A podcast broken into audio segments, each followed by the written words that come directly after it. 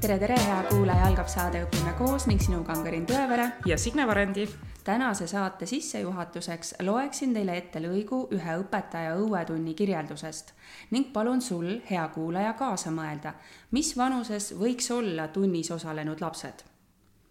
sissejuhatuseks pidid lapsed oma äranägemise järgi TTS maastikurobotile joonistama ning erinevate valikute tulemusel valmisid eriilmelised rajad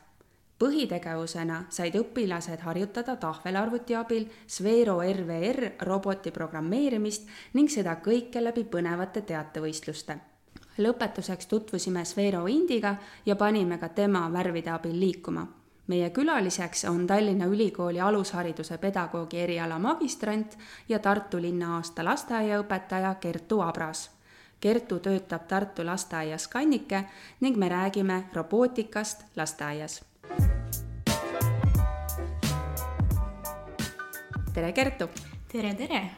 no Reeda kuulajatele siis, kui vanad on need lapsed, kes on need kõige pisemad, kellega sa alustad ja kellega sa selle tunni, õuetunni läbi viisid? Äh, kõige väiksemad lapsed, kellega ma olen katsetanud erinevaid vahendeid ja kellega ma praegu just parasjagu katsetan, on kahe-kolmeaastased, sest et alates sellest aastast on mul uued armsad väikesed vandersellid. aga see tegevus, mida sina praegu kirjeldasid, siis on viidud läbi minu eelmiste vandersellidega, kes just on saanud seitsmeaastaseks. ehk siis see on ühe tüüpilise minu robootikaringi kirjeldus, ehk siis seitsmeaastased lapsed mina ütlen kohe ära, et minu poeg on üks väike armas vandersell ja Kertu on siis äh, Sandri õpetaja, et mul on selline isiklik huvi ka siin mängus, et teada saada, et millega, mille põnevaga siis mu poeg tegelema hakkab järgnevatel aastatel. nii et olen väga põnevil. nii et meil on saates äh, esindatud siis äh, õpetaja, siis ähm, uuriv ajakirjanik ja lapsevanem. just tuleb põnev saade mm. -hmm aga Kertu, alustame sinust endast, et äh, kus on see robopisik siis äh, sinu hinge pugenud? tegelikult see on hästi huvitav lugu. Äh, seal on nii-öelda kaks mõjutegurit minu jaoks. kui ma siis nii-öelda bakalaureuse kraadi omandasin Tallinna Ülikoolis samuti alushariduse pedagoogi eriala, siis oli meil võimalik valida kas siis haridustehnoloogi suund või juhi suund. ja kuna see juhi pool ei ole mulle kunagi nagu väga omane olnud, siis oli kohe hästi kindel, et haridustehnoloogi suund on see minu suund. ja siis tuli valida, nagu ikka, lõputööde juhendaja ja mina teadsin täpselt, keda ma enda juhendajaks tahan, sest et oli väga positiivne kokkupuude Kristi Vinter-Nemvatsiga ja kuna ma teadsin, et ma teda tahan, aga mul ei olnud ühtegi ideed, siis äh, kuidagi läbi tema selle doktoritöö leidsin ma endale suuna ja minu õnneks oli ta nõus mind juhendama ja, ja see oli see esimene nii-öelda teema, kus ma ennast lükkasin ja sealt nii-öelda esimene inspiratsioon. aga et kui me räägime sellest tehnoloogi nii-öelda suunast, mille ma valisin, siis seal oli hästi palju erinevaid põnevaid nii-öelda aineid ja ühe nii-öelda valikainena oli vaja siis läbida tehnoloogi praktika ja praktika raames siis oli vaja läbi viia koolitus õpetajatele mina sellel hetkel olin veel tehnoloogia valdkonnas üsna toores, et, et noh, tüüpiline Bluebot robot, mis ilmselt enamus õpetajad ikkagi teavad, oli mul tuttav, aga muud väga midagi. Ja käisin siis, kutsusin õpetajaid endale koolitusele ja üks õpetaja kohe teatas mulle niimoodi, et ei, mina küll sinu koolitusele ei tule, et mul on ju kaheaastased lapsed mm. -hmm. siis ma ehmusin ära, ma ei osanud talle midagi selle peale vastata ja kuu aega hiljem ma töötasin samuti sõimeealiste lastega ja kasutasin roboteid, et kuidagi tõestasin enda jaoks, et oot-oot-oot, et päris nii see ka ei ole ja kuidagi sellest hetkest peale on see robootika pisik mu sees olnud aga,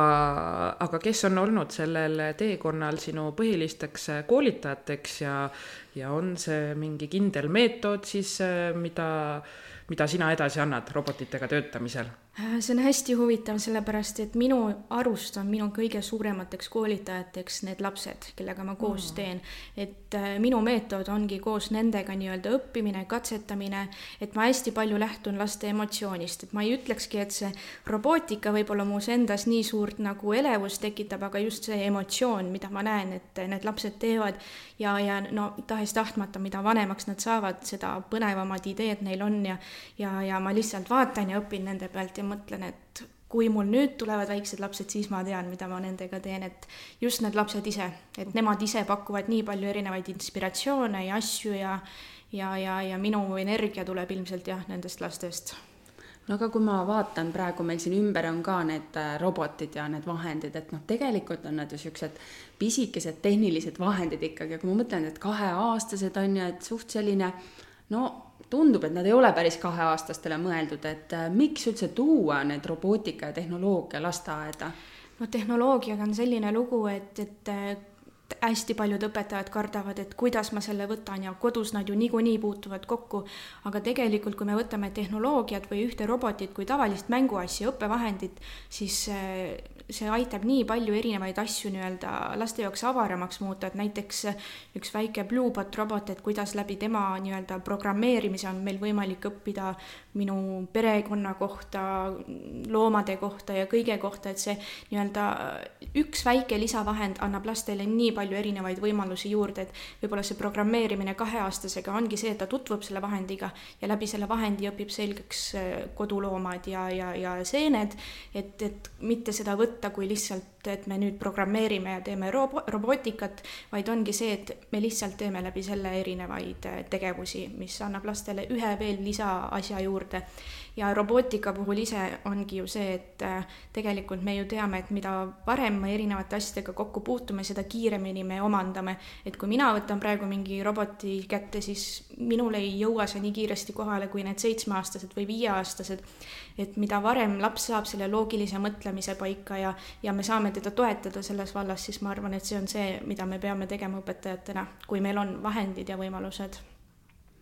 et see ei ole lihtsalt nagu, et ma tegelen selle roboti kokku lahti võtmisega, vaid mm -hmm. ta mhm. on vahend mingi asja omandamiseks, ta on nii-öelda lisatöö, lisatöö vahend. täpselt, et ei tasu võtta teda kui robotit, et nüüd me oleme väga kaasaegsed ja väga-väga nutikad, vaid ta ongi lihtsalt üks õppevahend, läbi mille on võimalik lastel erinevaid asju veel põnevamini nii-öelda seostada või, või noh, sellepärast, et tänapäeva maailm on paraku selline, et nii kui me paneme ühe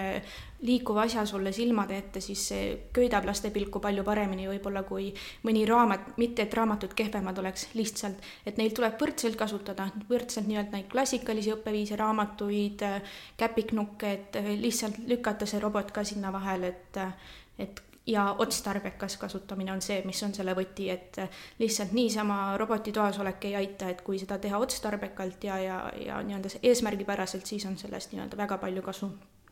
mis sa mõtled selle otstarbeka kasutamise ees, et mis on siis näiteks see, mida sina teed robotiga? mina olen tegelikult väga-väga palju vigu teinud oma karjääri jooksul mm, -hmm. millest ma järjest mõtlen, et nüüd ma enam seda ei tee ja ma kujutan ette, tulevikus ma mõtlen, et nüüd ma nii ka ei teeks, aga ongi, et kui me anname lapsele roboti kätte, siis laps peab teadma, et milleks ta seda kasutab ja kuidas ta seda kasutab. et lihtsalt see, et ta vahetab, vajutab seda nuppu kolm-neli-viis korda niimoodi, et ta ei saa arugi, siis sellest ta ei õpi kui me loome seose, et nüüd, kui sa liigutad kolm korda seda robotit edasi, siis vaata, ta jõuab sinna, et tal saab sellest aru, mida ta teeb, mitte ta lihtsalt ei, ei, ei katseta ja proovi, vaid et tal peab olema arusaam, mida selle robotiga teha saab no mina olen aru saanud sellest jah, et laps peab, on ju, mitte lihtsalt siis tarbima, on ju, mingisugust sellist vahendit, äh, vaid ta peabki siis seda ise kuidagi kasutama ja leidma need lahendused, kuidas mm -hmm. siis näiteks noh, ongi mingi ülesanne vahel vaja lahendada, et mm -hmm. robot peab jõudma mingisse punkti, nagu siin Karin seda tunnikirjeldust äh, kasutas, et siis see on võib-olla see mõte või, et laps nagu äh, kuidagi. täpselt, igal tegevusel peab olema nii-öelda algus ja lõpp ja sisu, et äh, läbi erinevate tegevuste me peamegi lapse mõttemaailma nii-öelda avardama, et okei okay,, mul on see robot, ma panen ta kokku, miks ma ta kokku panen. laps saab aru, et äh, tavalise teleka sees ei ole ka nii, et ma ostan poest teleka, vaid selleks, et see telekas tööle hakkaks, tal on sees seal mingid komponendid, mis peavad õigesti asetsema. et ei ole lihtsalt nii, et pannakse kokku ja see töötab, vaid äh, et iga asi peab olema paigas, sama nagu ka liikumisega, et kui sa tahad jõuda sinna ma ei tea, teise ruumi otsa, et mitu korda sa pead teda vajutama, et kas piisab sellest, kui sa vajutad ühe korra või sul juba see nii-öelda loogiline mõtlemine lükkab, et ahah, et võib-olla ma pean hoopis kaheksa korda vajutama, et, et noh, see ongi see, mida mina nii-öelda eh, natukene teadlikult, aga natukene ka mitteteadlikult lastel lasen katsetada uh, -huh. et no minul on kodus praegu ongi, vanem poja on haige on vaja auru teha kogu aeg ja ainuke võimalus on see, et multikad mängivad, on ju, telekast. Ja siis ma võtan sealt selle Youtube'i äpi ja ise puldiga kerin, on ju, ja noh, seal on ju lõputult palju neid multikaid ja siis ta jookseb sinna teleka ette ja valib neid ei edasi-tagasi ja siis hakkab kätega, on ju, lööma vastu telekat, et see sobib või see ei sobi ja ja noh, siis ma vaatan ja mõtlengi, et noh, teinekord nad ju, noh, ta on nüüd juba kolmeaastane, on ju, aga et noh, ei jaga ikka üldse ööd ega mütsi, et mis see telekas või, või kuidas, et mida vajutada, mida mitte vajutada, et et kuidas sa ühele kaheaastasele selliseid, neid asju selgeks teed? Millest sa alustad? Tegelikult ma alustan sellest, et äh, kui vähegi võimalik, siis mitte alla kolmeaastastele lastele ikkagi ekraani anda. Okay.. seda sellepärast, et lapse aju selles äh, nii-öelda vanuses veel ei taju neid asju seal ekraani peal, nagu sa ütlesid, ta ei saa aru, mis seal on. et äh, juhul, kui sa vanemana soovid talle anda selle vahendi kätte või teleka kätte, et siis sa pead pidevalt hästi täpselt ise seal juures olema ja talle kogu aeg seletadki ära, vaata, ma saan aru, et sa soovid seda multikat, see multikas asub siin keskel või et eh, mis selle multika peal on, arutame, kirjeldame või kui te vaatate juba seda multikat, siis samamoodi tihtilugu kahe-kolmeaastase jaoks on see lihtsalt üks värelev nii-öelda asi silmade ees, mille seoseid ta tegelikult ei loo. aga kui te pidevalt vaatate ühte ja sama multikat, nii nagu me õpetajatena loeme näiteks raamatuid, et me räägime neid hästi palju läbi, et lapsel hakkavad seosed äh, nii-öelda kujunema. et äh, väga hästi koolis jälle näidati meile ära, et kui sa paned kassile ette tahvelarvutisse liikuvad kalad, siis kass hakkab neid kalu taga ajama, aga väike imik, tema lihtsalt toksib. selles mõttes, et tema jaoks on see lihtsalt värelev asi silmade ees, et ta ei taju seda. et mina õpetajana väga pooldan seda, et juhul, kui lapsevanemal on soov anda nii-öelda liikuv pilt ette, siis äh, hästi palju ise aidake kaasa, rääkige juurde, kirjeldage, mis seal toimub. Või näiteks, kus ta vaatab üldse, eks ju, telefon, mis seal on, millised ohud on, kui see telefon kukub maha või, või mis sinna sattuda võib, et et, et jälle nendest samadest, mitte küll kaheaastane, aga kuueaastased lapsed, mina olin ka oma rühma lastega juba hästi usaldav ja lasin neil Youtube'ist erinevaid videosid otsida ja ja, ja, ja siis ühel hetkel need lapsed jõudsid äh, Crazy Frogi peale ja selliste videode peale, mida tegelikult ju kuueaastane laps veel ei peaks tarbima ja siis ma hästi mõtestasin enda jaoks lahti, et et äh, ma võin küll neid usaldada ja ma võin ju näiteks nelja-viieaastase puhul samuti arvata, et, et ta saab aru, mis seal toimub, aga tegelikult me ei tea, mis lapse peas toimub. et mulle hästi meeldib ka paar saadet tagasi käis teil Anna Luter, kes rääkis oma Päärini loo mm, -hmm. et kuidas tema Youtube'is nägi äh, päris elu, päris elu, eks ju, ja siis tegi seda järele. et, et see on ikkagi see, et me võime lapsi usaldada, aga mingil hetkel see võib meile väga valusalt kätte maksta, et, et hästi vanemana toetada oma last, et kui laps tarbib kas või telekat, kas või täiesti tavalist multikat, siis tegelikult sealt seest võib tulla täiesti ootamatu asi meie jaoks välja, et hästi mõelda no nüüd me korraks läksime sinna ekraanide maailma, aga kuidas teie robootikaõpetajatena see ekraanide maailm ja siis robotite maailm, mis on neil see ühist, mis on see lahusosa, et, et roboteid sa kaheaastasele juba julged kätte anda? jaa, sellepärast, et väga paljud robotid on sellised, mis ei nõuagi üldse tahvelarvutit. et mille eesmärk on näiteks, on hästi palju programmeerimise eelvahendeid, heli salvestavad pesulõksud, loed lapsele sinna peale numbrid, laps ühendab selle pildiga või paned näiteks, ütled sinna erinevad metsloomade nimed ja laps ühendab ette tegelikult varjatud nii-öelda robootika jälle või siis eh, noh, laps peabki robotit liigutama edasi-tagasi, et see on nii-öelda tema loogilise mõtlemise arendamiseks ja seoste loomiseks, aga mis on kõik seotud tahvelarvutiga, siis mina kui õpetajana võtan kasutusele alates neljandast eluaastast. sellepärast, et siis on laps nagu võimeline looma juba selle tahvelarvutiga erinevaid seoseid, et ta saab aru, et kui ta liigutab seda näppu ülespoole, see robot liigub edasi, tõmbab tagasi, robot liigub tagasi. et eh, on olemas väga palju vahendeid, mis ei nõua tahvelarvutit, aga jällegi need robotid, mis nõuavad tahvelarvutit, siis seda rohkem vajab nii-öelda laps seda kinnistamist ja õpetajapoolset juhendamist ja selgitamist. Aga seal lasteaias, Kannike, sa oled Vandersellide rühmas, kas teil on nagu see Äh,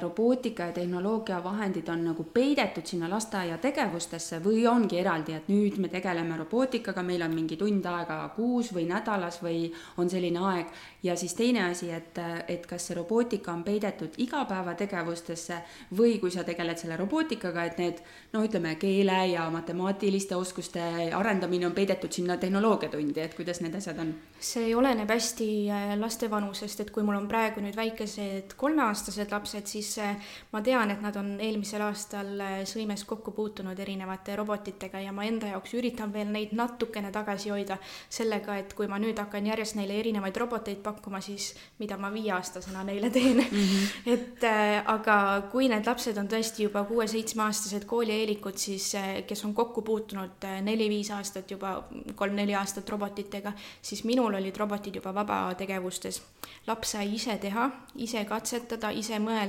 ja, ja see oli minu jaoks selline vau-efekt, kui ma vaatasin, et üks laps istub laua taga ja ta teeb sellist asja, mida ma ei teagi, et selle robotiga teha saab. et eh, jah, kui väiksemad on, siis ma nii-öelda lõimin neid robootikategevusi võib-olla mitte iganädalaselt, aga võib-olla ma teen mõni nädal mitu päeva järjest nendega. et see täiesti oleneb, et äh,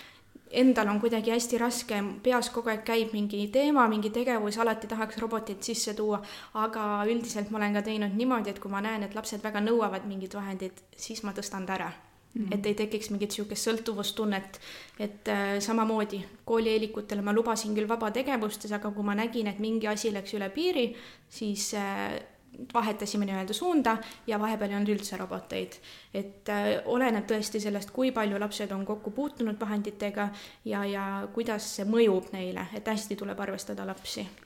mm. -hmm no siinkohal võikski küsida siis, et mis on need äh, võib-olla õpetajatega, õpetajate ja lastevanemate suurimad hirmud just äh, robootika ja tehnoloogiaga, kui sa räägid, tutvustad lastevanemate koosolekul, teeme tehnoloogia asju, et mis need küsimused või murekohad kerkivad esile? Üldiselt vanematega ei ole mingit lugu, vähemalt siiamaani ei ole küll olnud, et äh, kui ma olen nüüd öelnud, et me kasutame neid, siis tegelikult tundub, et vanemad ei adu seda, nad ei saa aru, ma võin küll näidata neile, mis, mis vahendeid meil on ja mida me teeme, aga veel sellel kevadel, kui lapsed äh, läksid äh, nii-öelda, lõpetasid lasteaia eelmise rühma omad, ma kõike jäädvustan ja ma jagasin seda materjali ja mul tuli järgmine päev niisugune nii-öelda lapsevanema tagasiside, et issand, mida te teete -hmm. see on täiesti uskumatu. ja, ja täna oligi selline olukord, mul oli täna siis nii-öelda robootikaring oma nüüd koolis käivate lastega ja, ja lapsed tegid oma robot robotid valmis ja katsetasid ise ära ja läksid pärast vanemate juurde ja vanemad hakkasid proovima seda, et, et vanematega on jah, selline huvitav, huvitav lugu mul siiani olnud, et et nad on alati väga usaldavad olnud, et nad ei kahtle selles, mida me teeme ja kui me alati nii-öelda tahame mingit toetust erinevatele võistlustele, siis on just need vanemad need, kes hästi palju panustavad ja, ja tuleb ikkagi teha selgitustööd selles mõttes ka, et me ei kasuta neid äh, tahvelarvuteid lihtsalt mängimiseks, vaid mida me seal teeme. et seda ma olen küll rääkinud ja soovitanud, et kui mõni laps tuleb jutuga, et äh, ma nüüd mängisin seda mängu ja seda mängu, aga mina tean, et tegelikult oleks temal vaja nii-öelda toetada hoopis teisi valdkondi, siis olen soovitanud erinevaid teisi rakendusi. sest et kui ta on selles maailmas juba nii palju, siis lükata ta lihtsalt sinnapoole, et ta arendaks ennast seal.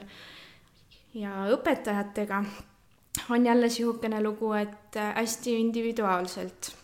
väga paljud õpetajad äh, julgevad kohe tulla, katsetada ja proovida, aga tihtilugu on see, et isegi kui ma näitan õpetajale, tutvustan vahendeid, siis sellest ei piisa. aga mida mina nii-öelda olen õpetajana teinud, ma olen kutsunud õpetajaid nii-öelda robotivõistlusele, kus nad peavad võistlema minu lastega et see mõjutab hästi palju, annab neile hasarti või, või siis olemegi teinud niimoodi, et äh, käinud suuremate lastega väiksemate laste juures niimoodi, et minu suured lapsed õpetavad. et nemad saavad nii-öelda omapoolse niisuguse eneseületuse, et nad saavad õpetaja rollis olla, aga samuti siis need teised lapsed saavad tutvuda uute asjadega, et tihtilugu ongi sellest kasu rohkem, kui ma lähen ja teen mingi praktilise asja, kus ka õpetaja peab osalema. et ongi hirm on selles, et nad ei tea, mida teha nende vahenditega, et aga kui see vahend juba saab selgeks, siis läheb see lihtsalt mm. -hmm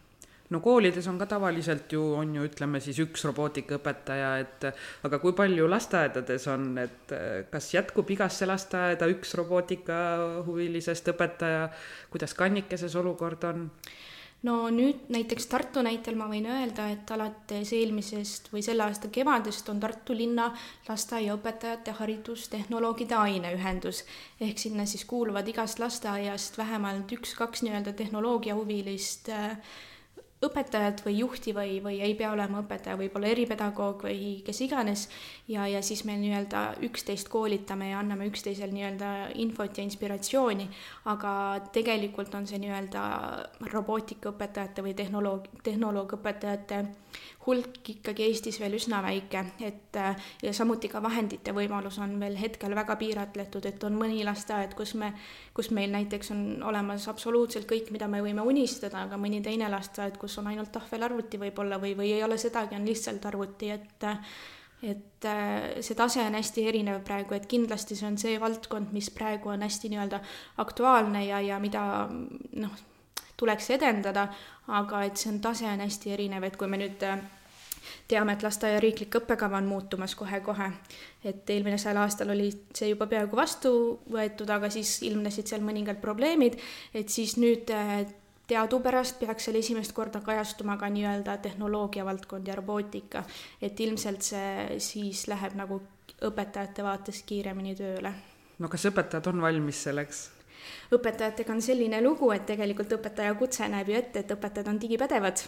ja õpetajatel peaks teatud määral see oskus siiski olemas olema, aga et kui ma räägin meie maja pealt, siis mina olen nüüd kannikeses töötanud natukene üle kolme aasta ja praegu ma võin öelda, et nüüd on selline hetk, kus meie iga rühma vähemalt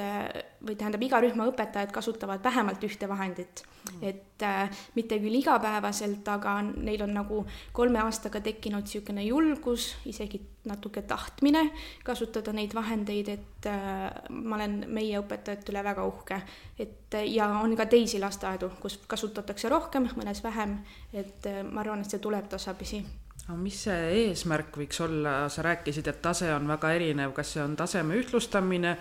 või on see sinu puhul näiteks just praegu võimalikult uute võimaluste katsetamine, et mida teie selle aineühendusega näiteks sooviksite Eestis näha? eks see muidugi eesmärk ju võiks olla nagu koolidelgi, et igas lasteaias on haridustehnoloog, kes mm. siis äh, toetab nii-öelda neid õpetajaid, kas siis kuidas tõsta laste digipädevust või kuidas tõsta õpetajate digipädevust, et äh, et eesmärk võiks olla see, kuhu poole me liigume, aga noh, eks minu enda jaoks oleks võit, kui igas lasteaias oleks vähemalt üks inimene, kes oma lasteaiaõpetajaid utsitaks, et et ma arvan, et see oleks suur võit ja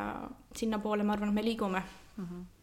no ma küsin siin vahepeal, et äh, digipädevustest rääkides, et äh, no üks asi on, meil siin silma ees on need, nagu ma ütlesin, robo- äh,, siuksed robotid, eks ju, toredad silmakesed peas on ju, aga mis need tehnoloogilised vahendid veel on, mis on lasteaias kasutuses lisaks äh, tahvelarvutit sa mainisid, et võib-olla mingid programmid nimetada või mis veel on need? Jaa, no tahvelarvutid on, eks ju, ja enamus eh, lasteaedades siiski, millega me põhiliselt arvestame, on arvutid. ja kui me võtame nii-öelda kuue-seitsmeaastast last, kooli minevat last, siis kuue-seitsmeaastane laps peaks nii-öelda digipädevusmudeli järgi oskama arvutist otsida otsingumootori abil erinevaid asju näiteks peaks oskama sisestada sinna sõna karu ja leidma karu kohta pildi. et äh, see on see kuue-seitsmeaastase lapse nii-öelda eesmärk, mida tema peaks enne kooli minekut oskama või võiks osata ikkagi. kas see on nüüd uus õppekava või see on vanast juba? Äh, digipädevuste mudelid on natukene õppekavast erinevad, aga et äh, selles mõttes, et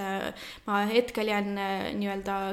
päris sada protsenti ei ütle teile, kas see on kinnitatud, aga minu teada peaks olema mm -hmm. päris ametlik asi, et kuue-seitsmeaastane laps võiks osata äh, nii-öelda otsida internetist asju ja samamoodi ka kõik see nii-öelda interneti turvalisus ja need teemad, et äh, see on see aga kui sa ütled arvuti, siis see on ikka selline klassikaline klaviatuuriga arvuti või siis tahvelarvuti? no meil oli klassikaline, siiamaani on klassikaline klaviatuuriga arvuti, kus minu lapsed siis tegime samamoodi. lasin, meil oli vist Eesti Vabariigi teema, lasin lastel erinevaid Eesti rahvussümboleid sinna kirjutada. laps kirjutas sõna, siis mul oli projektooriga seina peale kuvatud see pilt, laps joonistas pildi maha veel, et oli niisugune lõimitud tegevus.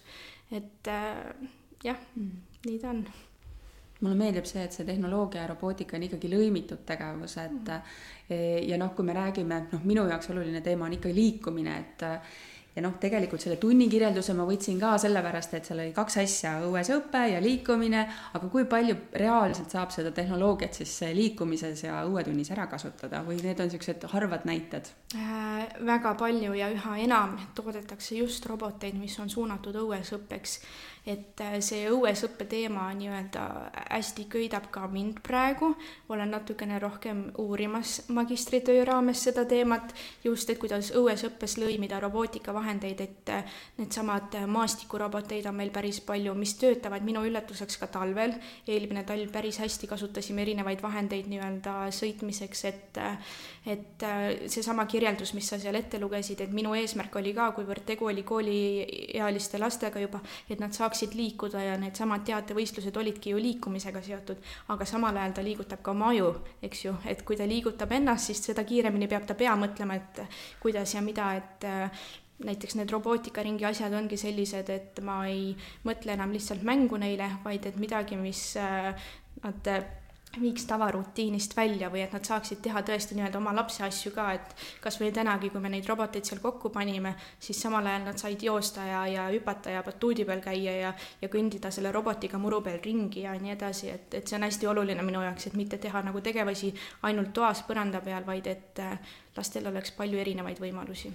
no kui ma sind kuulan, siis mul tuleb nagu meelde just see, et kui Signe sai teada, et sina oled tema poja õpetaja, siis ta ütles, et aa, jackpot on minul et, et kas sa neid tegevusi paned nii-öelda kirja ka teiste õpetajate jaoks ja, ja kas sa reaalselt leiad aega ka nagu väljaspoolt oma koolimaja siis või seda lasteaeda õpetajaid koolitada?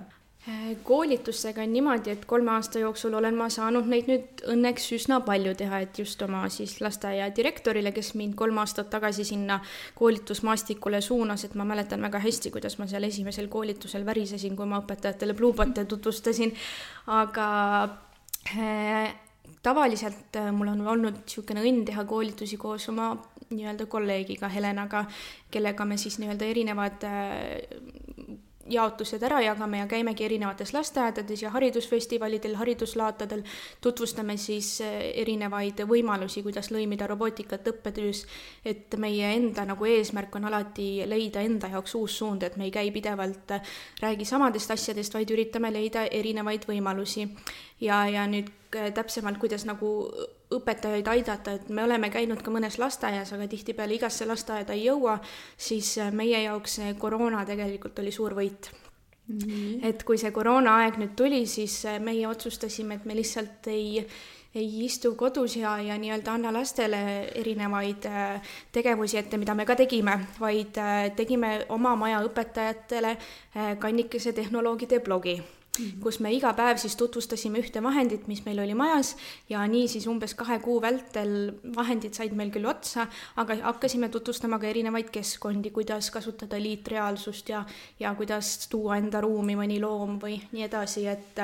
et siis suunasime selle alguses küll oma maja õpetajatele, aga kuna me nägime, et meie blogi on hakanud jälgima ka väljaspool meie maja,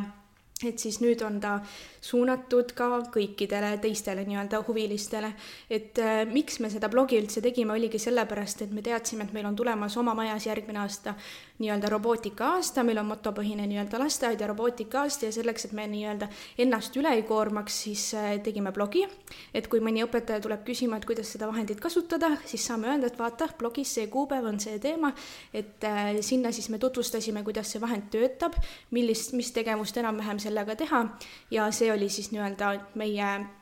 võimalus, kuidas nii-öelda enda elu kergendada, aga samas, kuidas ka õpetajatele võimalikult kergelt mingid vahendid selgeks teha. Ja, ja tänu ka Insplay'le, et siis Eesti haridusrobotite maaletoojale, kelle robomentor ma juba head mõned aastad olen, on mul olnud võimalik koolitada erinevaid äh, õpetajaid, kes on sellest huvi tundnud, näiteks kevadel oligi selline võimalus, et eh, ma olen küll tavakoolitusi teinud, kus on osalenud umbes kakskümmend, kolmkümmend inimest, aga sellel Insplay koolitusel, virtuaalsel koolitusel siis osales juba peaaegu sada viiskümmend inimest, et ja seal siis tutvustasime ka erinevaid vahendeid ja, ja, ja Insplayl on ka tõesti hästi-hästi suur mõju olnud minu kui nii-öelda robootiku karjääri arengule, et kes on eh, toonud, andnud võimaluse mulle erinevaid nii-öelda roboteid katsetada ja tutvustada teistele ja, ja vot selline suund mm. -hmm. no aga sa mainisid siin seda blogi, et äh, äkki ütled ka kuulajatele, et kindlasti tekib mõnel huvi, et äh, saad sa selle nime öelda? jaa, äh, on mul ju tegelikult kaks erinevat blogi, et üks, kus me tutvustame õpetajatele video kujul erinevaid vahendusi, on kannikese tehnoloogid punkt blogspot.com, aga minu enda tegevused, mis on ka niisugused hästi lihtsad ja rohkem nagu enda jaoks kirja pandud, aga võib-olla mõnele õpetajale inspiratsiooniks on kertuht.blogspot.com, et seal on siis hästi niisugused lihtsad tegevused, mida me nii-öelda igapäevaselt olen lastega teinud ja, ja lihtsalt enda jaoks kirja pandud, aga samas piltide video kujul kindlasti ka teistele õpetajatele annab natukene inspiratsiooni. No me kindlasti paneme selle saate kirjeldusse ka, et, et siis on lihtsam leida ka. Et äh, õpetajad kindlasti, kes tulevad su koolitusele, et kindlasti küsivad, et no okei okay,, et aga Kertu, soovita siis, milliseid vahendeid peaksime me lasteaeda siis muretsema, et äh, ma usun, et see on selline kõige levinum küsinud, küsimus koolitustel ka või? Äh, robotitega on üldse hästi huvitav, et äh, tuleb mõelda, mis sulle endale võiks huvi pakkuda. et mina ise näiteks ei ole väga suur legode fänn, aga legodest saab ju teha fantastilisi roboteid ja, ja, ja on erineva tasemega komplekte ja, ja kindlasti on ju kõigil tuttavad Bluebotid ja Osobotid, mis on peaaegu nüüd juba kõikides lasteaedades, aga mina isiklikult tõesti soovitan neid vahendeid, mida saab ka kasutada õues, näiteks TTS maastikurobot, millest me enne rääkisime, või Sphero RVR, et mida saab õues juhtida et need on erineva tasemega neid uurida, aga et äh, need on need, mis nagu natukene juba oma mõttemaailma avardad, et võib-olla mitte võtta neid klassikalisi bluebot'e, mis on kõikidel, vaid, vaid otsidagi äh, erinevaid ideid, et äh, et kuivõrd ma Insplayga teen koostööd, siis ma tean, et Insplay kodulehel ongi nii-öelda haridusteemaline ähm, leht, kus nad kirjeldavad ise, kuidas mingeid vahendeid kasutada, milleks kasutada, mis vanuses kasutada, et, et äh, sealt saab ka hästi palju inspiratsiooni, et äh, tihtipeale ei teagi tavaline õpetaja, tavaline inimene, millised võimalused meil üldse on, aga seal on hästi konkreetselt just vanuseti välja toodud, mida kasutada, kuidas kasutada, et seal on ka video kujul kõik asjad juures. Ja Insplay on just välja tulnud ka nii-öelda äh, õpiraamatuga, kus on erinevad siis, äh, erinevate vahendite tegevuskirjeldused erinevatele vanustele, et seda saab ka kindlasti sealt kodulehelt ja need kirjeldused selles mõttes, et sa oled läbi katsetanud lastega, vastavad vanusele ilusti, et toimib? Äh, nende kirjeldustega on tegelikult niimoodi, et Insplay äh, ise korraldas eelmine aasta õpetajate väljakutse, kus palus tavalistel õpetajatel Pärnust, Narvast, igalt poolt õpetajatel oli võimalik saata oma tegevusi, ehk siis see ei ole nii-öelda ühe robootiku tegevus mm, -hmm. vaid need on erinevate õpetajate tegevused, kes on sinna kokku pannud, mis on sinna kokku pandud ja mis on tõesti nagu eesmärgistatud, et tavaline õpetaja saab võtta selle tegevuse tegevuskava ette, vaadata, mis on need eesmärgid, kuidas teha, mis vahendeid on vaja ja alati ka pilti juures, et sellest on ka kindlasti hästi palju kasu kas on ka mingeid probleeme sellega seoses, et sa pead äh, näitama, kuidas sa tegeled, on see laste pildistamine näiteks, mingid nõus. võistlustel käite kindlasti. jah, nõusolekud, et kuidas see on lahendatud? Äh, selles osas on mul alati väga toetavad vanemad olnud, et äh, muidugi alati, kui äh, on mingi suurem üritus või asi, ma küsin vanemate käest üle, kas ma võin nende laste pilte jagada, sest et tüüpiline on see ju, et iga aasta alguses ma võtan kõikide vanemate käest nõusolekud, kas nad lubavad oma last pildistada, filmida, aga kui on tegemist tõesti mingi väga suure asjaga, näiteks mingi välismaa võistlus või, või mingi asi, et siis ma alati küsin igaks juhuks üle, sest kunagi ei tea, mis mis, mis, mis, mis noh, mis, mis sellel tulemus võib olla. et, et jah, sellele tuleb mõelda, aga üldiselt on vanemad alati olnud hästi toetavad ja, ja ei ole ükski vanem mulle siiamaani veel öelnud, et ei, see oma või noh, tähendab, minu lapse nägu ei tohi seal peal olla või nii edasi, et ei ole takistuseks olnud? see ei ole siiamaani küll takistuseks olnud, et ilmselt see on jälle see, et, et tuleb lihtsalt teadvustada, miks me seda teeme, milleks me seda teeme, et mina ka hästi palju rõhutan sellele, et ma nii-öelda koolitan ka teisi õpetajaid, et see on just õppematerjal selleks, et ja vanemad väga hästi saavad aru, sellepärast et noh, nii on vanemad tulevad siin juba sulle appi ja toetavad ilmselgelt sellepärast, et sa selgitad ja seletad kõik väga korralikult lahti, aga kuidas veel lapsevanem, kuidas Signe saab veel toetada? sa ennem mainisid, et on ju osad ei adugi üldse, no mina olen mm -hmm. täpselt see lapsevanem, kes ma olen nõus, on ju, et tundub põnev, aga ega ma tegelikult ju väga ei adu. ja kuidas näiteks mina saaksin äh, ka kodus siis toetada seda, mida teie lasteaias teete, kuigi ma üldse ju ei jaga nendest robotitest midagi. Nende robotitega ongi niimoodi, et loomulikult on võimalik alati ka kodu tingimustes neid soetada ja kodus katsetada, aga mina arvan, Signe, et kui sina tahad neid õppida, siis me teeme mõne vahva isadepäeva või emadepäeva, kus ongi lihtsalt vanematel, minu palve on, võtke aktiivselt osa. et kui teie võtate aktiivselt asjadest osa, siis on see laps veel rohkem motiveeritud. et see ei ole ainult robootikaga, see on igasuguse muu tegevusega samamoodi, et et lapsed hästi otsivad eeskujusid ja samamoodi ka mina, kuigi mulle see Lego võib-olla ei meeldi ja see ei paku mulle huvi, siis see ei tähenda, tähenda, et ma lapsele seda ei anna, sellepärast et mul on võib-olla just see seitsmeaastane tüdruk, kes tahab seda tarbida ja kelle jaoks on see oluline, et nii, aga mul on nüüd, meil on kodus robot äh, muruniiduk, tolmuimejat ei ole, sul oli tolmuimeja. mis ma selle kohta oma kolmeaastasele räägin selle kohta saabki öelda, et ta on üks hea abimees, et meie oleme rühma samamoodi pannud. Mõned robotid lihtsalt liikuma põranda peale, kes liiguvad omal vabal tahtel ja pannud sinna põrandalappi ette ja vaadanud, kuidas see toimib, et äh, jälle rääkida, kuidas see toimib, et laps teaks, et see ei ole lihtsalt nii-öelda see ümmargune mm, see põrandarobot, vaid et seal sees on juhtmed. Miks need juhtmed seal on, kuidas see töötab, mis asi on aku, eks ju, et mi-, mis on need asjad, mis see töötab, et igal asjal on näiteks oma programm, mida see programm üldse tähendab, et see on, ma arvan, juba tavaõpetaja jaoks niisugune raske, et hakkame nüüd programmeerima, aga mida mm -hmm. see mhm. programmeerimine üldse tähendab, et et minu arust üks kuueaastane laps võiks juba aru saada näiteks, mis on programmeerimine mm. -hmm et lihtsalt rääkida lapsega ja, ja, maailmast, elust, mis no, meil kodus on, mida ja. me kasutame, miks ja jah, et see ei ole niisama, et, et see robot niidugi igastahes meeldib talle küll väga -hmm. et pakub talle väga huvi. aga, aga kuidas lapsevanemana, et noh, sa ütlesid, et üks asi on see eeskuju, on ju, et ise võttagi osa siis lasteaiaüritustest, et et kuidas veel tehnoloogia maailmas, et võib-olla siis natuke ka üldisemalt haridustehnoloogina, et kuidas lapsevanemana toetada last et üks on see turvalisus, ekraani kasutusaeg on ju, et mis veel on võib-olla, mis sa tahaksid südamele panna? jaa, tegelikult ongi täpselt seesama, eks ju, et mida see laps sealt ekraani pealt näeb, aga needsamad ka autoriõigused, et jälle üks naljakas lugu, kuidas kuueaastane poiss tuli minu juurde, ma olin just valmis teinud ühe video, kuhu olin taustaks pannud meeleoluka muusika ja siis tuli, küsis mu käest, et tead, Kertu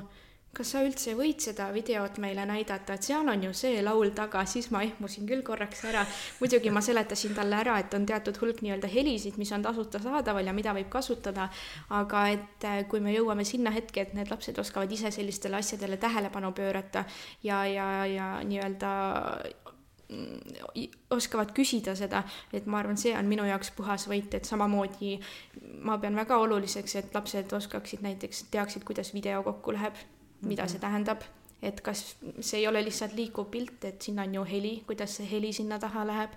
et kuidas pilti kiiremini liikuma panna, kuidas aeglasemalt liikuma panna, et äh, need on need asjad ja näiteks seesama koostöö vanematega, mida me eelmine aasta tegime, oli, et minu ülesanne oli see, et lapsed õpiksid enne kooli minekut Zoom keskkonda kasutama, sest et aeg on lihtsalt selline, et äh, ma teadsin, et äh, vanematel on raske see teema, et nad ei tea, kuidas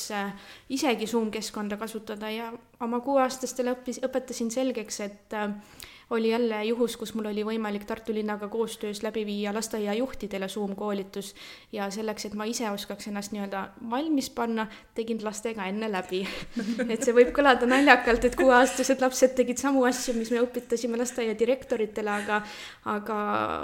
nad said tõesti väga hästi hakkama, kuidas panna endale pilti taha või kuidas heli maha panna või seesama nii-öelda turvalisuse teema, et rääkisime lastega läbi, et kas ma tohin nüüd oma arvuti Zoomiga tuua teile siia magamistuppa, kui te hakkate magama minema, mine, magama minema, et millised ohud seal on, eks ju. et äh, kes võib jälgida, mis võib juhtuda, eks ju, et äh, see oli see, mis sealt tagant läbi käis, et äh, me võime ju teadvustada seda, aga tegelikult me ei tea üldse, mida see meediamaailm meile võib pakkuda või kuidas ühest või teisest asjast võib midagi mõjutada mm. -hmm no aga sa mainisid, et Zoom on ju kooliminejatele ja nüüd nad on siin paar kuud koolis käinud, sinu eelmised õpilased, et mis on tagasiside olnud siis nende klassiõpetajatelt, et kuidas nad koolis edasi on toimetanud, kas seal on kõik läinud kohe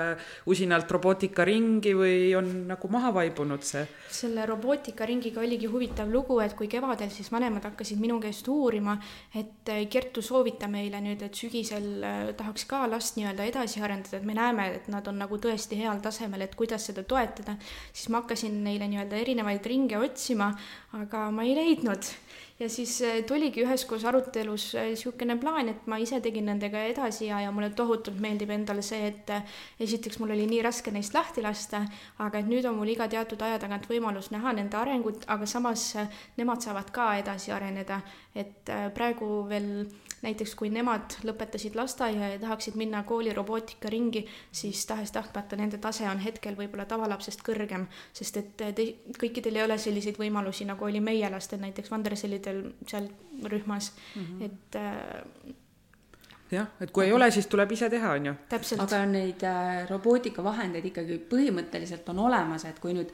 kooliõpetajad kuulavad seda, robootikaõpetajad, mõned innustunud, kes tahaks nagu pakkuda nendele lastele nagu jätkuvat arengut, et vähemalt vahendid on võimalik soetada ja on nad olemas reaalselt või ongi need robotid sellised lasteaia tasemel?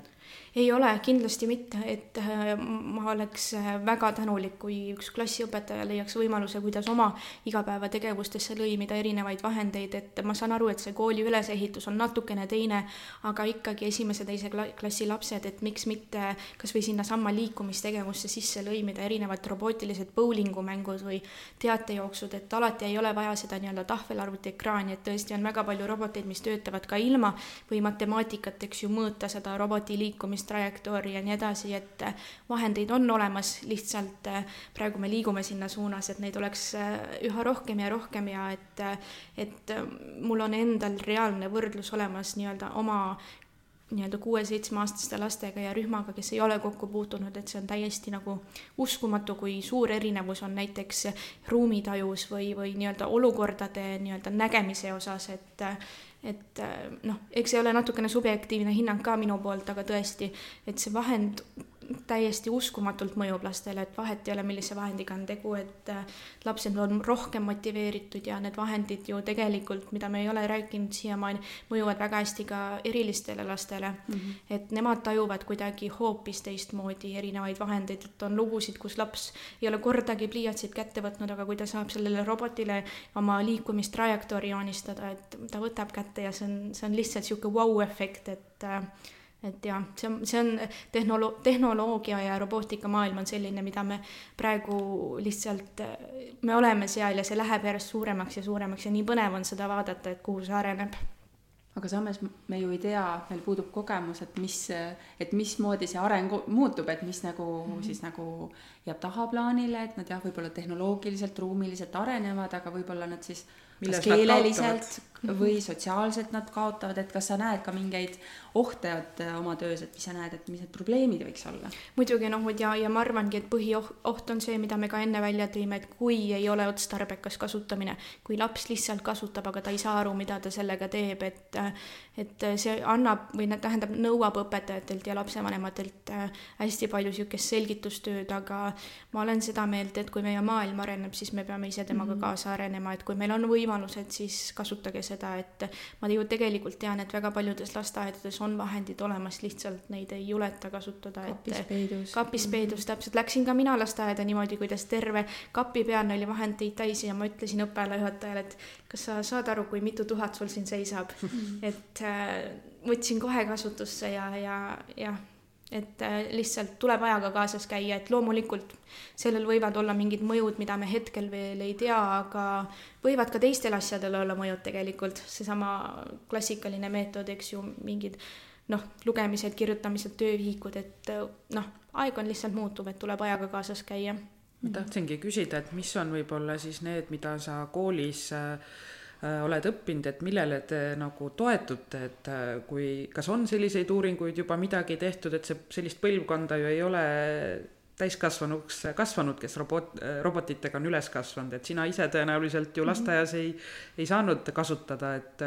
kust tuleb see või on see kõik selline puhas, et lihtsalt on mingi punt, kes on innustunud ja entusiastlikud ja usuvad sellesse? Või on midagi, millega nagu tõestada ka, et see tõesti aitab sellele ruumilisele mõtlemisele kaasa või? jaa, ähm, kindlasti ja neid tõestusi ja uuringuid on juba olemas, et mm et äh, mida ma kindlalt äh, tean erinevate uuringute põhjal, ongi see nii-öelda põhjus, seos, tagajärg, ülesanded, eks ju, et et need äh, robotid aitavad nii-öelda mõtestada lahti mingid asjad, eks ju, et esimene asi, ta,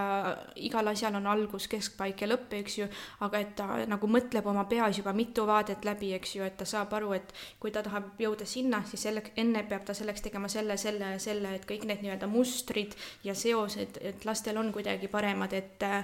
et äh, jah. kas sa mõtled paremad selle all, et siis juba väiksemad lapsed saavad sellega hakkama? täpselt või..., täpselt sellepärast, et minu jaoks on huvitav olnud see, et kui ma käin nii-öelda erinevatel tehnoloogide ja robootikute kogunemistel, siis komplektide peal, mis tulevad välismaalt, robootikakomplektid on peal üks vanus, aga Eesti vanust tõlgendatakse juba madalamaks mm. -hmm. ehk näiteks sama Lego komplekt, Lego V2 komplekt on seal peal, täpselt praegu võin lihtsalt tuupi öelda, üheksa aasta, üheksa aastaste oma, aga Eesti lapsed seitsmeaastased juba võivad kasutada kasutada, et nende see, nad on nii kiired õppijad ja see loogiline mõtlemine ja näiteks needsamad robotite kokkuehitamine, et äh, see aitab kuidagi kaasa. Et ma ei ole selles mõttes, ma ei ole nii-öelda spetsialist sellel alal, ma räägin oma kogemustest, et need uuringuid kindlasti ja teadlasi on palju rohkem, kes oskavad täpsemalt seletada, aga et oma kogemuse põhjalt, et nii palju, kui ma olen jälginud erinevaid lapsi erinev-, noh, nii-öelda ühes vanuses, siis midagi selles on mm. -hmm noh, see on, ma arvan, et see robo ja, ja see tehnoloogia on nagu umbes niimoodi nagu kümme-viisteist aastat tagasi oli see, et toome keeleõppe lasteaeda, et inglise keel, saksa keel juba lasteaiast ja siis noh, põrkuti sama asja juurde, et lasteaiad tegid ja siis tuli laps kooli, aga koolis said kokku need, kes ei ole õppinud ja on õppinud ja siis oli niisugune kooli niisugune kaos, et noh, sa tõid sama paralleeli, eks ju, et robootikaga lasteaias lapsed tegelesid, kui jõudsid kooli, siis on see, et aga kes edasi tegeleb, et et kool justkui on, on maha jäänud praegu, et kooliõpetajad peaksid hoopis Kertu blogi lugema hakkama ja hakkama neid vahendeid uurima, et meie no, sinuga koos seda viiduud ju alles ise õppisime, mäletad, tegime no, ühe koosõppepäeva, noh, see oli muidugi aastaid tagasi, aga et no siis ka avastasid sedasama koos lastega, et tegelikult mm -hmm. õppisidki koos lastega, noh, meil olid siis tahvelarvutid ja need õpetused mm -hmm. ees, et. Äh, jah, aga sa pead ikkagi teadma see, et, et nagu Kertu on siin täna korduvalt ütlen, öelnud, et, et see ei ole nagu eesmärk omaette, vaid ja. et miks ma seda kasutan mm, -hmm. et see peab kuidagi ikkagi minu tunniga seostuma ka, et. ma arvan, et seda veel koolis niimoodi jah, tavaõpetajate seas ei ole, et kindlasti on, äh, ongi robootikaõpetajad, kes seda teevad niimoodi eraldi ainena aga et kui palju ta ikkagi on tavatundides no,? Need äh, projektipäevad ja nagu need üritused, Kertu mainis siin, et need võiks ju olla ju tegelikult paaristunnid ja kõik need lõimitud õpe ju tegelikult ja, ju ja samas ongi, kui ma seda. lükkan nüüd oma üheksateist last lasteaeda või sinna kooli, kes on selle tugeva tausta saanud, eks ju, ja mitte mm -hmm. ainult mina, neid lasteaedu on veel, kes on väga head nii-öelda tehnoloogilise taustaga ja õpetajad näevad, et need lapsed oskavad neid, siis võib-olla minu lootus on sellest, et äh, nad tahavad ka ise osata mm, -hmm. et meil ju sama samamoodi minu paariline ka väga kogenud paariline ja aastakümneid töötanud lasteaias. ja mida mina tegin, oligi see, et mina õpetasin lastele vahendi selgeks, katsetasime koos ja palusin lastel õpetada oma paarilist, et ja nüüd on huvitav selline olukord, et minu paariline kasutab hetkel rohkem robootikavahendeid kui mina. Et mul on tõesti hea meel, kui keegi saab sellest inspiratsiooni ja, ja, ja miks mitte ei võiks olla need lapsed, kes praegu kooli läksid, inspireerida oma klassiõpetajaid, oma lapsi, et või oma nii-öelda klassikaaslasi mm -hmm. ja algatus seegi, kusagilt peab alustama mm. -hmm. ja noh, tegelikult need igasugused äh, tehnoloogiafirmad vist äh, promovad igasuguseid robovõistlusi ka, et tegelikult läbi aegade on ju koolides neid robovõistlusi korraldatud, et ikka kuskil need ringid ju peidus on, et äh, kuulajad, kes kuulavad meid, siis võivad ka märku anda, et äkki nende koolis on robootikaring ja siis saavad Kertu lapsevanemad teada, kus, kuhu oma lapsed mhm. kooli panna, et ja mis võistlustel osaletakse? jaa, tegelikult ma võistlustest võin ju praegu rääkida mm, -hmm. rahvusvaheline programmeerimiskuu on käimas mm, -hmm. et äh, nii-öelda Code Week, mille raames siis on nii-öelda erinevatel sotsiaalmeediaplatvormidel erinevad võistlused, kuhu saad oma tegevusi äh, kajastada, jäädvustada ja võita auhindu, samamoodi erinevad Eesti ettevõtete võistlused, Insplay tuleb kohe roboolümpiaga välja ja, ja on ka teisi võistluseid, mis on, äh, kus on võimalik käia, et mind kui lasteaiaõpetajat väga motiveerib võistlustel käimine, et et loodetavasti koolides on sama, et käiakse ja proovitakse, et progetiiger, kes nii-öelda äh, varustab erinevaid lasteaedu erinevate vahenditega, korraldab väga ägedaid üritusi, et äh, need on need, mis tõesti, kui mõni äh, nii-öelda robootikaettevõte siin praegu kuulab, siis tehke aga usinalt, sest õpetajad tõesti tahavad nendel võistlustel käia ja läbi selle saavad lapsed erinevaid nii-öelda võimalusi ennast proovile panna ja saab premeerida lapsi mm, -hmm. miks mitte no mm. nendel võistlustel kindlasti ju käivad ikkagi sellised noh, väga tublid ja, ja andekad õpilased, et meie selle hooaja fookus on ka olnud andekus. et kuivõrd sina oled siis kokku puutunud äh, näiteks just tehnoloogias äh, väga andekate lasteaiaõpilastega ja ka vanematega? laste puhul ongi niimoodi, et loomulikult ma ju näen enda jaoks neid lapsi, keda kõnetab see rohkem mm -hmm. ja, ja robootika tegelikult on nii lai valdkond, et võib-olla mõnda kõnetab Lego, mõnda kõnetab mm -hmm. mõni muu robot, et minu eesmärk õpetajana oli tegelikult leida üles need nii-öelda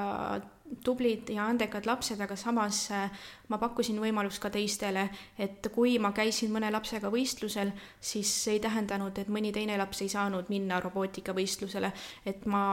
premeerisin võib-olla alguses neid, kes olid äh, kuidagi teistest natukene ees, aga minu jaoks kui õpetaja jaoks oli oluline, et ka need teised lapsed saaksid käia erinevatel võistlustel, et äh, aga kui me räägime praegu, siis äh, ma soovitan mõnele perele, keda ma tean, et näiteks leiutamine on tugev, siis ma saadan erinevaid võistluseid ja kui ma ise ei jõua, siis äh, pered saavad ise hästi aktiivselt teha, et -hmm. et kindlasti on mõni laps, keda ma vaatasin juba nelja-aastaselt ja mõtlesin, et issand ta oskab juba praegu rohkem kui mina ja tegelikult äh, praegu ongi huvitav seis, et kõik tegevusi, mis ma teen oma näiteks robootikaringis, on lapsed juba minust üle. Ja ma ei hakkagi nende tasemele enam küündima, ei hakka isegi proovima. Ja sama on ka tegelikult nende kolmeaastastega, kui ma näen, et võib-olla mõni laps ei räägi mul veel või, või ei ole väga sotsiaalne, siis nii kui ma võtan selle roboti välja, siis see on täiesti uskumatu, kuidas äh, ta avaneb ja kuidas ta tahab proovida ja kuidas ta saab sellest aru et võib-olla kui ma mõnikord raamatut ette loen, siis see ei kõneta teda, aga kui ma toon liikuva auto ikkagi ruumi, siis äh, ma saan terve selle rühma kuidagi fookusesse, et äh, jälle need robootikavahendid on väga head niisugused korrahoidjad ja, ja, ja nii-öelda noh, väga hea on lapsi panna näiteks ühte ruumi istuma, et kui ma muidu räägin, siis lapsed nihelevad ja siplevad, aga kui nad teavad, et tema, tema saab ka seda robotit puutuda, ta peab ainult oma korda ootama, et see on hästi hea niisugune korra abimees või kuidagi, et et ja praegu kolmeaastastega ka, no kes ei jõuab seal paigal püsida, aga et kui ta teab, et temani jõuab see, ta saab seda robotit liigutada, siis on isegi ka eriliste laste puhul väga-väga hästi töötavad vahendid. nii, aga see on nagu see elektrooniline lemmikloom, loom, eks ju mm -hmm., et kui me vanasti toodi lugemiskoer klassi ja kõik olid niimoodi, et sirgelt ei julgenud hingata ka, sest nad tahtsid kõik koerale pai teha pärast nii, aga ma kohe küsin, et ma tean äh, oma poega, kes on nagu selline pigem, tal võtavad kõik asjad, minule tundub, nüüd ongi hea kuulata, õpetaja nägemust muidugi see oli kaks nädalat ainult, kui te kokku puutusite, aga aga et äh, tema on selline, kellel võtab nagu maru kaua aega, et äh, sulanduda üldse, et usaldada ja et kui nüüd ongi see robot seal on ju ja siis peab ootama ja tuleb tema kord, aga ta ei ole veel valmis üldse midagi tegema, et kuidas, kuidas te need olukorrad lahendate, kui laps jälle nagu ei julge, kardab? tegelikult äh, ongi niimoodi, et algul tulevad need, kes on julgemad mm -hmm. ja siis ongi hästi huvitav näha, et mõni võib-olla ei julge algul tulla, aga ta tuleb, seisab minu kõrvale ma ei, kuidagi ei, ei survesta teda, et nüüd tule ja proovi. ühel hetkel nad tulevad lihtsalt, see tegevus võib-olla võib natuke venida pikemaks ja võib-olla mõni laps teeb sellel ajal juba hoopis teist asja, meil on juba vaba tegevus, aga ta tuleb ja proovib, et, et see on jälle niisugune hästi individuaalne, et, et sellega ei tasu survestada ja ei tasu survestada ka õpetajaid, kes ei taha, et lihtsalt teha hästi palju motiveerivaid asju ja nad tulevad ühel hetkel sinu juurde ja proovivad ja katsetavad, et jälle kolmeaastase see puhul väga hästi töötab, kui sa paned midagi ruumi liikuma, mingid värvid, mingid asjad, siis eh, ta on kuidagi fokusseeritud mm, -hmm. et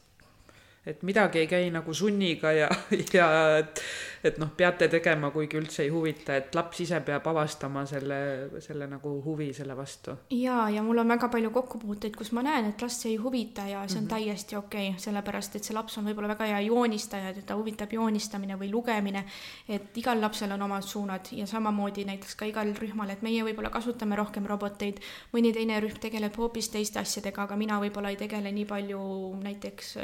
lugemisega või, või, või, või, või joonistamisega, et, et tuleb teha seda, milles sa tunned ennast hästi ja laste puhul täpselt samamoodi, et see laps peab saama seda võimaluse proovida, katsetada, aga kui teda ei huvita, siis teeb ta seda, mis talle meeldib, et tal vähemalt peab olema võimalus, et ta saab proovida, teha, katsetada, et kedagi sundima ei hakka mm. -hmm. no aga siit selline filosoofiline küsimus siis, et noh, sina tegeled tehnoloogiaga, teine õpetaja on väga kõva selline, ma ei tea, kõike laulab, mängib, teeb ja järgmine ainult loeb, neljas matemaatikat, et et kuidas saaks nii, et laps saab kõiki neid asju proovida, et äkki peaks neid õpetajaid siis vahetama rühmades või, või kas sa reformiksid Eesti lasteaeda näiteks? no ma ütlengi, täpselt sedasama meie oleme teinud, näiteks ma olen oma suured lapsed viisin teistesse rühmadesse, kus minu lapsed said läbi viia siis äh, väiksematele või suurematele, vahet ei ole, erinevaid tegevusi, et ongi teha nii-öelda vahetust mm, -hmm. et võib-olla minu rühma tuleb siis teise rühma lapsed, kes tutvustavad äh, ma ei tea, taimeteadust, kuidas mm -hmm. mingid taimed kasvavad, mida mina igapäevaselt ei tee. et äh, ma arvan, et hästi palju on abiks erinevad äh, ühistegevused, lasteaiasisesed, suured-väiksed lapsed koos, võib-olla oma eakaaslastega koos ja ka lasteaedade vahelised, et äh, kui sul on oma mingi sõpruslasteaed, kus sa käidki tegemas mingeid teemakoolitusi või näiteks minul on Rukkilille lasteaed, kus ma käin pidevalt tegemas erinevaid koolitusi, sest et esiteks mul on väga hea kontakt nende õpetajatega, aga samas nemad pakuvad mulle jälle midagi muud, eks ju, et see ongi niisugune, lasteaiaõpetaja töö on ju väga hea, et meil ei ole mingeid kindlaid raame, et me saame kõike teha ja katsetada ja hästi tore, kui me saame käia kusagil või tutvuda kusagil, et et see robo-, robootika on tõesti hästi atraktiivne, aga et seda ei pea nui neljaks tegema, et ma olen oma õpetajatele ka öelnud, et ärge nüüd muretsege, et tore, kui nad, lapsed saavad proovida ja teha, aga küll nad nagu ühel või teisel määral ikka nendega noh, nii-öelda kokku puutuvad, kui neid see huvitab, et -hmm. nii ta on no aga kui sa nüüd unistad, et milline oleks sinu unistuste lasteaed, kas sa juba töötad seal praegu või kujutad sa vaimusilmas hoopis veel midagi teistsugust ette? no unistuste lasteaed, mina kui tehnoloog näen, et unistuste lasteaias on üks haridustehnoloog, kes toetab mind kui õpetajat või siis mina toetan Mm -hmm. mina kui haridustehnoloog toetan õpetajaid, et, et siis tegelikult eh, lahendubki ära see probleem, et kui mõni õpetaja on väga hea nii-öelda taimeteaduses, aga ei taha seda robotit üldse kasutada, siis laps saab selle robotiga kokku puutuda läbi haridustehnoloogi või, või, või eh, nii-öelda teha koostööd eripedagoogiga. et kui on mõni eriline laps, kellel on, vajab nagu mingit teatud tähelepanu ja võib-olla robootika sobib talle hästi, et minu unistuste lasteaias on praegu olemas kõik vahendid ja ma usun, et me liigume sinnapoole, et minu lasteaed oleks väga hea. Ja neid unistuste lasteaedu on kindlasti Eestis väga palju, aga ma arvan, et midagi ei saa olla alati, alati peab arenema nii-öelda, et on, kuhu areneda igal pool et me rääkisime siin, et igal õpetajal on oma tugevused, plussid-miinused, et mis talle meeldib rohkem ja lastele annab võib-olla rohkem edasi, et, et kuidas te nagu jälgite seda laste arengut ja kui palju erinevad õpetajad siis digitehnoloogiat kasutavad? Tegelikult on ju hästi huvitav on see, et järjest tuleb erinevaid tehnoloogilisi mänge ja erinevaid tehnoloogilisi võtteid, aga mina olen jälle neid lõiminud nii-öelda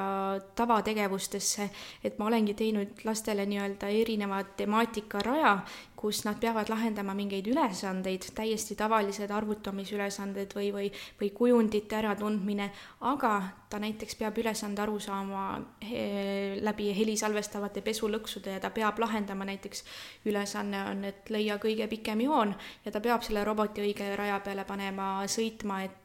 on hästi palju erinevaid nii-öelda nutimänge, kui nii-öelda tahvelarvuti põhiselt, aga mina kui mitte väga suur ekraanimeedia tarbija või toetaja, siis mina hindan neid erinevate tõesti nii-öelda tavaroboti tegevuste põhjal. tegevused on küll klassikalised, mida arengu hindamisel kasutatakse, lihtsalt sinna on lõimitud jälle see robootika tegevus, robootika vahend, et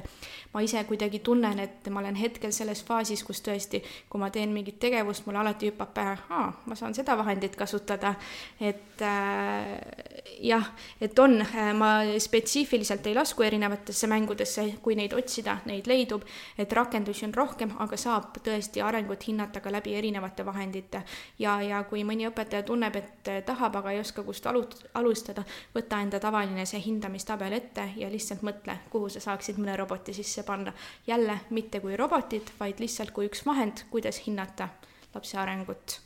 et äh, noh, siinkohal võiks siis küsida ära selle, et kui laps lasteaia lõpetab, et siis äh, tuleb ta kooli koolivalmiduskaardiga. et äh, kuivõrd kerge või raske on neid kaarte teil täita koolidusval-, eh, koolikaardid nii-öelda meie jaoks on huvitavad, minu enda jaoks just hästi huvitav, sest ma sain see kevad neid esimest korda täita mm. -hmm. Tartu linn on ju nii-öelda kehtestanud ühtse raami, et äh, meie äh, sidusime selle hästi palju see aasta tehnoloogiaga ja, ja tuli ka nii-öelda juhilt niisugune äh, palve, et tõesti, teie lapsed kasutavad väga palju robootikat, et kirjeldage, kuidas nad seda matemaatikat siis läbi selle lõimivad või kuidas on keel ja kõne läbi robootika matemaatikaga meil tulnud mängu, et meie hästi palju see aasta tõesti panime koolikaartidesse sisse ka robootikat, et neid on raske teha, aga ma ju tunnen oma lapsi ja, ja, ja kui ma kirjutan sinna mõne vahendi, et tõesti ta on selles tugev, siis üks lapsevanem küsis, et mis asi see osobot on et siis äh, jälle saad nagu ära seletada ja jälle, kui me enne rääkisime ka, et kuidas kooliõpetajaid toetada, kui see kooliõpetaja saab selle koolikaardi, kus tal on kirjas, et ta oskab viiduud ja, ja oskab mingit sfeeropolti, et äh, paneb teid õpetajana mõtlema, et mis asi see üldse on. ikka muidugi on, ja, ja, ja et oi-oi, mulle tuleb selline laps ja. on ju ja mina üldse ei jagagi neid äh, nimetusi, et ja. äh, ikka siis süübid, aga millest siis alustada, et kui tulebki minu klassi, mul on seal kaardi peal kirjas, et mina kui nüüd klassiõpetaja, kes ei ole selle maailmaga niimoodi viid suvel kurssi ennast, ei ole midagi. et äh, ma küsingi, et nagu millest alustada õpetajana? mina küsiks lapse käest kohe, mis asi see on, mis sa sellega teed, sellepärast et minu enda ülesanne või eesmärk oli ka see, et kui ma midagi kasutan, et laps teab, mis see on. et meil oli väga palju erinevaid äh, väljakutseid, kust laps, ma andsin talle vahendi ja ma ütlesin talle, et tead ma ei oska, aga õpeta sina teistele. ja, ja see oli nii vahva, kuidas nemad näevad neid roboteid, et kui armsalt ta midagi kirjutas, näiteks üks poiss või kirjeldas, üks poiss pidi kirjeldama osobotti, kuidas ta ütles, et vahepeal see robot jonnib natukene, kui mu joon pole ilusti tehtud. et äh, tõesti, küsida laste käest, kui tal seal juba on kirjas, mina kui õpetaja mõtlen, et kui ma selle roboti olen talle sinna kirja juba pannud, siis see laps tõesti teab, mida sellega teha ja kui sind kui klassiõpetajat huvitab, siis küsi selle lapse käest. ja võib-olla see laps ütleb sulle, et ma ei tea, me tegime seal robootikaringis, vaata, sa leiad sealt kodulehe pealt selle tegevuse, mis me tegime ja või väga paljudel lastel tänapäeval on ju ka kodus juba erinevad robotid, et meil samamoodi võitsime võistluselt ühe roboti ja ei jõudnud järgmine päevgi tulla, kui mul laps tuli, et mul on kodus ka see, see käib niimoodi, niimoodi, niimoodi. et äh, maailm on selline, kus meil on palju võimalusi ja uurida laste käest, sest lapsed on tõesti nutikad mm. -hmm nii, aga Kertu, kas sul on endal veel mõni küsimus, mida meie ei oska küsida, sest äh, meie oleme, ei tea ei robotitest tegelikult väga palju ega ka tehnoloogiast selgub mitte midagi eriti tegelikult äh, ei pea teadma, lihtsalt peab olema väikenegi huvi selles osas ja kui sul on natukenegi huvi, siis äh, see järjest süveneb ja süveneb näiteks minu näitel, et äh, kolm aastat tagasi ei teadnud ma robotitest mitte midagi ja järjest hakkad katsetama ja ma ütlen, et vaadake seda laste emotsiooni, kui nad neid kasutavad, et see annab mulle tohutult palju ja samamoodi ka, kui teha vanematega ühisüritusi, vanemad kasutavad neid ja siis sa tõesti näed, kuidas see viieaastane laps paneb selle robotiga niimoodi, aga vanem ei saa aru, kuidas seda üldse liigutada, et et ma usun, et see on see, mis, mis meid inspireerib ja, ja mis paneb nii-öelda vau-efekti tekitama